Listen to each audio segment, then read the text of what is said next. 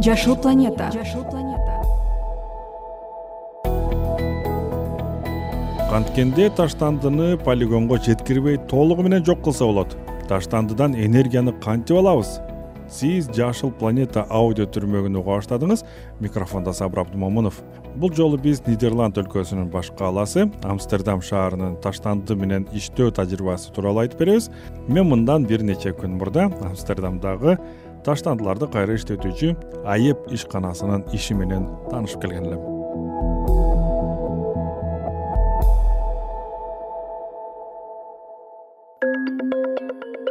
Авал энерги придрайв кыргызча которгондо таштандыны кайра иштетүүчү компания нидерландтарда эле эмес батыш европадагы эң ири таштанды иштеткен ишкана.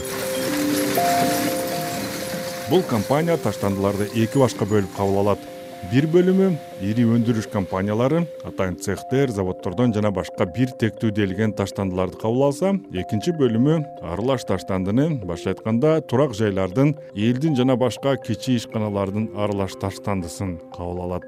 Бир күндө муниципалитет ишканалары үч жүздөн ашуун машина элден топтолгон таштандыны алып келип төгүп кетип турат мен он беш мүнөт карап туруп кандай гана чоң таштанды ташыган машинелер бар экенин байкадым. Кыргызстандагы жүк ташыган узун машинелердин таштанды ташыганга ылайыкташкан нускасы бар экенин амстердамдан алгач ирет көрдүм. Көрсөм майда машинелер шаар ичинен ушундай чоң машинелерге топтоп беришет. Бир күндө келген таштандылардын орточо салмагы тогуз жүз тоннаны түзөт. Ишкананын аталышын кыскача аеп амстердам деп атап коюшат жана анын тарыхы жыйырманчы кылымдын башына туура келет. Бир миң тогузунчу жылдары амстердам кыйла кеңейип турмуш тиричилик таштандылары көйгөйгө айланган. Ошондо таштандыны өрттөп салуу ишканасын түптөө маселени чечкен. Шаар андан ары өскөн сайын таштандыны жок кылууда өсүп отуруп аеп таштандыны башкаруу компаниясы пайда болгон. Адегенде муниципалдык ишкана эки миң он төртүнчү жылы көз карандысыз компанияга айланат учурда европадагы эң ири таштандыны ылгоочу жана кайра иштетүүчү компания болуп эсептелинет. Мурда таштандылар жөн гана өрттөлчү алардан энергия алуу жок болчу. Андан бери көп нерсе өзгөрдү. Аеп амстердам компаниясынын маркетинг бөлүмүнүн өкүлү кун бонтник таштанды менен иштөөдөгү негизги этаптары тууралуу бизге айтып берди Um, uh, uh, учурда биздин ишканада эки заманбап курулуш бар. Орто эсепте бир жылда бир бүтүн ондон төрт миллион тонна таштанды ылганат болушунча көп чийки зат алганга аракет кылабыз. Калган өрттөлүп анын жылуулугунан энергия алабыз. Биздин таштанды саясатыбызды бир нече этапка бөлсөк болот. Биринчи этап таштандыны алдын алуу башкача айтканда таштандылардын таптакыр чыкпашын каалайбыз мисалы супермаркеттен жер жемиш сатып алсак биз пластикке оролгонун же жөн эле бадыраңды сатып алсак болот. Биз элди пластикти азыраак колдонууга чакырабыз. Албетте пластикти же дагы башка таштандыга айлана турган буюмдарды колдонуудан дароо эле чыга албайбыз. Кийинки этап кайра колдонуу. Мисалы ошол эле пластик идиштерди үйдө башка максатта бир нече жолу колдонуу. Үчүнчү кадам таштандыны ажыратуу. Мисалы смартфондор колдонуудан кийин сөзсүз таштандыга чыгат аларды ажыратып темирин өзүнчө жез затын өзүнчө бөлүп алып кайра иштетүүгө берилет. Андан ары таптакыр кайра иштетүүгө жарабаган калдыктар калат. Ошондо гана аларды өрттөөгө жиберебиз калдыктарды өрттөөдөн албетте энергия алабыз. Бешинчи кадам болуп кээде жөн эле өрттөөгө туура келген учурлар да болуп калат. Мындай учурлар өтө сейрек.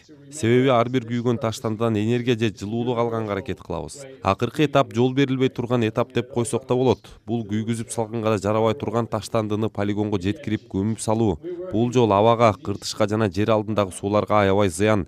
Ошондой эле полигондордон парник газдары чыгат метан бөлүнүп чыгат. Биздин компания бул этапты колдонбойт нидерландтарда полигондор саналуу гана калган көбү жабылган. Полигондорго азыр элден чыккан таштанды такыр барбайт. Кээ бир өндүрүш калдыктары гана көмүлөт.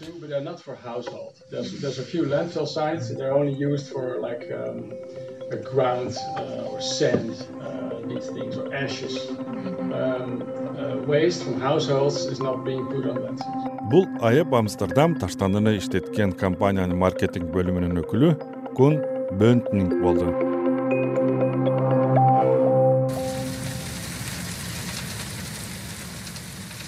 компаниянын аралаш таштандыны ылгоо бөлүмүндөгү заманбап цех эки миң он жетинчи жылы ишке киргизилген. Анын сепаратор конвейеринде кайра иштетиле турган жети затты ылгап чыга турган жабдыктар жана атайын көзөнөктөр орнотулган алар металлды темирди текстилди айнекти пластиктин эки түрүн жана кагаздын эки түрүн өз өзүнчө бөлүп алат. Элден келген таштандыны ылгоо бөлүмүнүн башчысы марк хахрот таштандыны алгачкы ылгоосу тууралуу айтып берди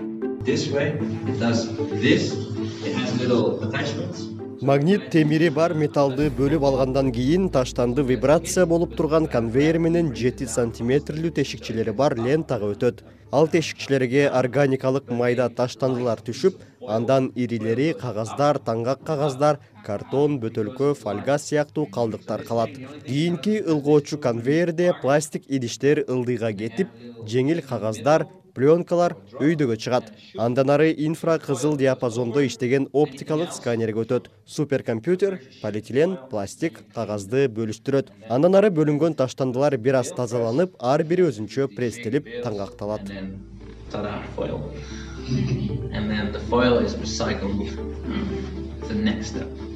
элден келген таштандынын курамын карап көрсөк бир тонна амстердам таштандысынын курамы орто эсеп менен отуз алты пайыз органикалык калдыктан. Булар негизинен үйдөн чыккан тамак аш шыпырынды. Эч нерсеге керексиз калдыктар жыйырма эки пайызды түзөт он үч пайызын картон жана кагаз жети пайызын пластик таңгактар беш пайызын жалаяктар жана аялдардын гигиеналык каражаттары төрт пайызын текстиль төрт пайызын пластик төрт пайызын айнек үч пайызын металл эки пайызы суусундуктардын кагаз таңгактарынан турат. Мүмкүн болушунча көбүрөөк кайра иштетиле турган калдыктарды бөлүп алгандан кийин аэп компаниясы калган таштандыдан энергияны өндүрөт бул үчүн алты өрттөөчү жайы бар. Төртөө афвал энерджи централи жана экөө заманбап хук рендемент централиде жайгашкан. Ишкана бир тонна таштандыдан орто эсеп менен алты жүз жыйырма сегиз киловатт саат электр энергиясын жана эки жүз сегиз киловатт саат жылуулукту өндүрүп алат. Электрди борбордук электр тармагына берсе жылуулукту болсо амстердамдын түндүгүндөгү отуз миңден ашуун үйгө жеткирип берет компаниянын өрттөө бөлүмүнүн менеджери бас ван де бан өрттөөдөн бир да зыян зат абага да сууга да жерге да чыкпайт дейт.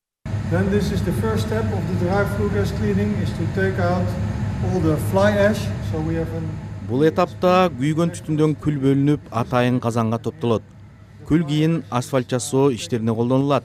Андан ары ысык түтүнгө акиташтын аралашмасы менен активдештирилген көмүр бүркүлгөндөн кийин кальций хлориди пайда болуп тутанат ал тунган кошулмас зыяндуу болгондуктан аны германияга алып барып атайын даярдалган эски кампаларга көмүлөт. Андан кийинки бөлүктө ысык түтүндөн акыркы чаңдар тундурулат. Ал дагы жанагы германияга кетчү калдыкка кошулат. Андан ары түтүн үч нымдуу чыпкалоолордон өтөт. Биринчи чыпка туз кислотасын жана оор металлдарды алып калат. Экинчи нымдуу чыпкада сода аралашмасы кошулуп ph алты жарым жогорулап күкүрттүн оксидтери ажырап чыгат андан сырткары нымдуу чыпкада суу конденсацияланып акыркы чыпкада баштапкы эң майда чаңдар кармалат. Таза буу гана калат. Акыркы этапта ал буу шамалдаткычтын жардамы менен чоң морлор аркылуу абага кое берилет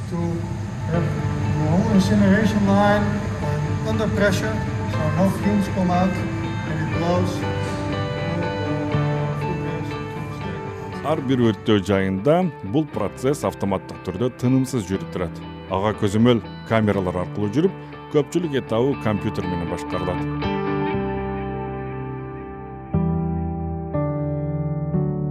Компания кызматкерлеринин иш орундарынын мүмкүн болушунча таза болуусун камсыз кылган башка өлкөлөрдүн таштанды ишканаларында эң кир аянтча катары айтылган калдыктарды утуруу сапырып өрттөө жайларына же ылгоо конвейерине салган адам бул компанияда эч нерсе өтпөгөн атайын айнек дубалдар менен тосулган бөлмөдө турат. Ал компьютердик оюндарды башкаргандай эле джойстиктер менен темир чеңгелди башкарат. Кнопкалар джойстиктер жана компьютерлик панелдер кызматкердин өтө ыңгайлуу кудум биздеги соода борборлорунда массаж жасай турган креслолордо отурушат экен. Алардын бөлмөсүндө ысык муздак суусу бар чакан ашкана бурчу анда автоматтык кофе машина муздаткыч тамак жей турган оруну бар. Ар бир кызматкер мындай шартта болгону төрт саат эле иштейт. Бул эң оор шартта иштеген кызматкердин иш орду.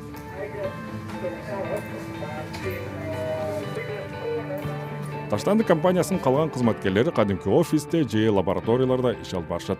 Жада калса түтүктөрдүн ичи да автоматтык камерасы дөңгөлөгү бар түтүктөр менен аралыктан эле текшерилет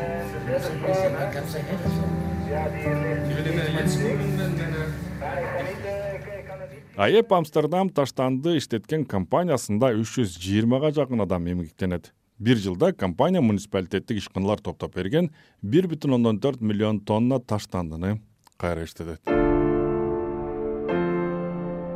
программанын этегинде амстердамда эле бир миллиондой эли бар бишкек шаарындагы таштанды менен иштөө тууралуу маалымат берип кетейин. Бишкекте таштанды менен негизинен тазалык муниципалдык ишканасы иш алып барат. Таштандынын баары эч кандай ылганбай эле бишкектин түндүк жагында орун алган атайын ажыратылган ачык жерге дөбө иретинде топтоло берет. Тазалык ишканасы бир күндө бишкектин төрт районунан миң тоннага жакын таштанды чыгарып турат жай күз мезгилинде бир жарым миң тоннага чейин жетет. Учурда ишке элүү жети атайын техника жана токсон бир жүктөгүч машина тартылган. Тазалыктан башка таштандыны жеке компаниялар да ташып чыгып турат алардын үлүшү өтө эле аз урматтуу угарман сиз жашыл планета аудио түрмөгүн уктуңуз. Бул жолу биз нидерланд өлкөсүнүн баш калаасы амстердам шаарынын таштанды менен иштөө тажрыйбасы тууралуу айтып бердик программаны мен сабыр абдымомунов даярдадым. Эсен туруңуз.